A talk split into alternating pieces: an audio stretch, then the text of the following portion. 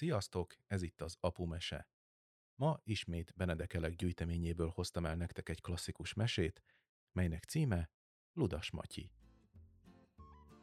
Hol volt, hol nem volt. Volt egyszer egy szegény asszony, és annak egy nagy kamaszfia. Ludas Matyi volt a neve.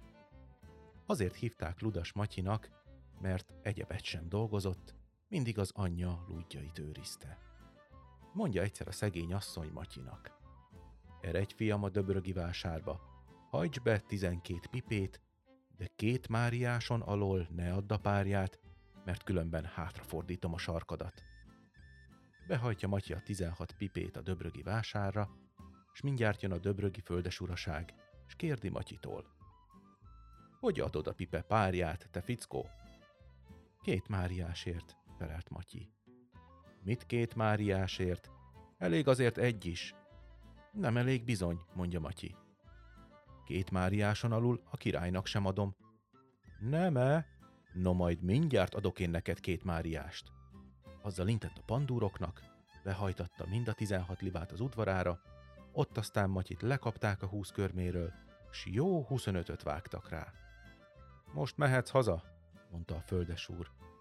Hát a pénz, bőgött Matyi. Nem volt elég? Húzzátok le még egyszer. Másodszor is lehúzták Matyit a deresre, s jó 25-öt vágtak rá.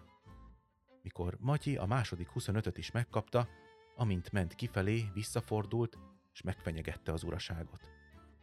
Jegyezze meg az úr, hogy háromszor veri ezt vissza Ludas Matyi. A földes úr nagyot kacagott. Egy szikrát sem törődött Matyi fenyegetésével. Na, telt múlt az idő, eltelt több esztendő, Matyiból nagy legény lett, megváltozott egészen. Egyszer hallja, hogy a földesuraság kastélyt épít. Mit gondol, mit nem, felöltözik ácsmesternek, bemegy a városba, egyenesen a földesúr udvarába, és ott elkezdi méregetni, vizsgálgatni a szarufákat, a gerendákat, és közben-közben csóválgatja a fejét. Oda megy a földesúr, és megszólítja. Mit nézeget az úr ezeken a fákon? Engedelmet kérek, mondja Matyi. Én külső országbeli ácsmester vagyok. Sok országot bejártam, sok házépítést láttam, magam is építettem vagy százat, szebbnél szebbeket. De azt mondhatom az úrnak, hogy ezek a fák nem valók erre a kastélyra. Különb fák kellenek ide. Hiszen, ha csak az a baj, mondja a földes úr. Vannak az én erdőmben szebbnél szebb fák, majd válogatunk azokból. Mindjárt kirendelt száz fejszés embert a földes úr, ő meg Matyival hintóba ült, úgy mentek az erdőbe, hadd lássák a fákat színről színre.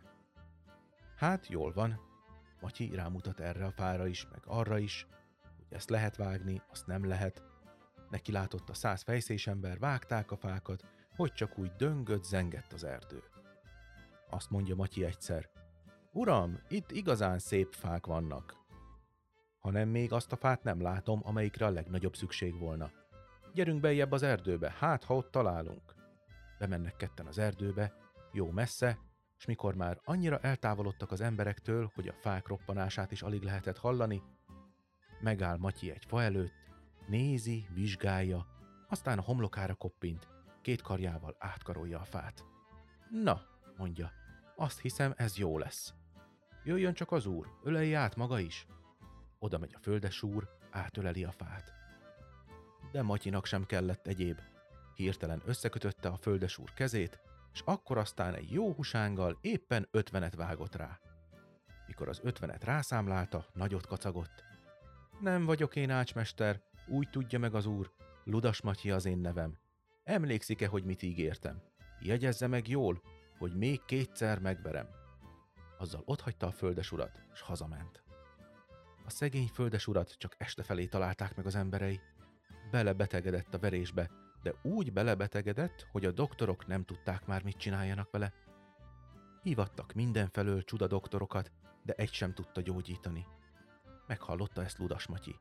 Felöltözött doktori gúnyába, fölment a kastélyba, és jelentette magát, hogy ő külső országbeli csudadoktor, és jó pénzért meggyógyítja az uraságot hiszen megörültek Matyinak, vitték be az urasághoz. Azt mondja Matyi. Egy nap alatt meggyógyítom az urat, csak ahány embere van, menjen ki az erdőbe, ott ilyen meg olyan csuda füveket találnak.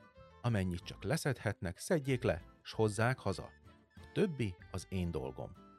De bezzek küldötte a földes úr az embereit, még a gyerekeket is.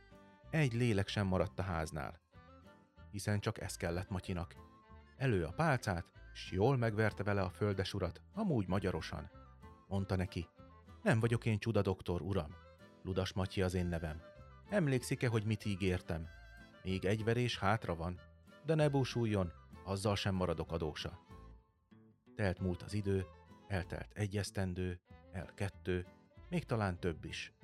Ludas Matyi a városnak még tájéka felé sem nézett. Hanem mikor már mindenfelé kezdették felejteni a dolgot, felöltözött lókupecnek, s elment a döbrögi lóvásárra.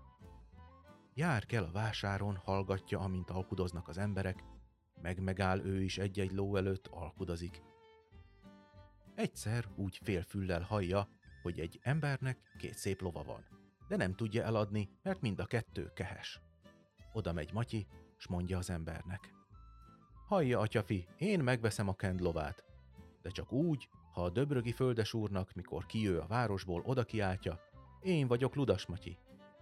Hiszen, ha csak ez a kívánsága, azt szívesen megteszem, mondja az ember. Egyszeriben megalkusznak, kezet csapnak, Matyi megveszi a lovakat, már a vásár el is szélett, jő a döbrögi földesúr hintón. Aholni, mondja a Matyi, ott jön a földesúr, kiáltsa oda neki, én vagyok Ludas Matyi. De aztán szaladjon, ahogy csak tud. Odaáll az ember a hintó elé, s nagyot rikkant. Én vagyok Ludas Matyi, s azzal megfutamodik.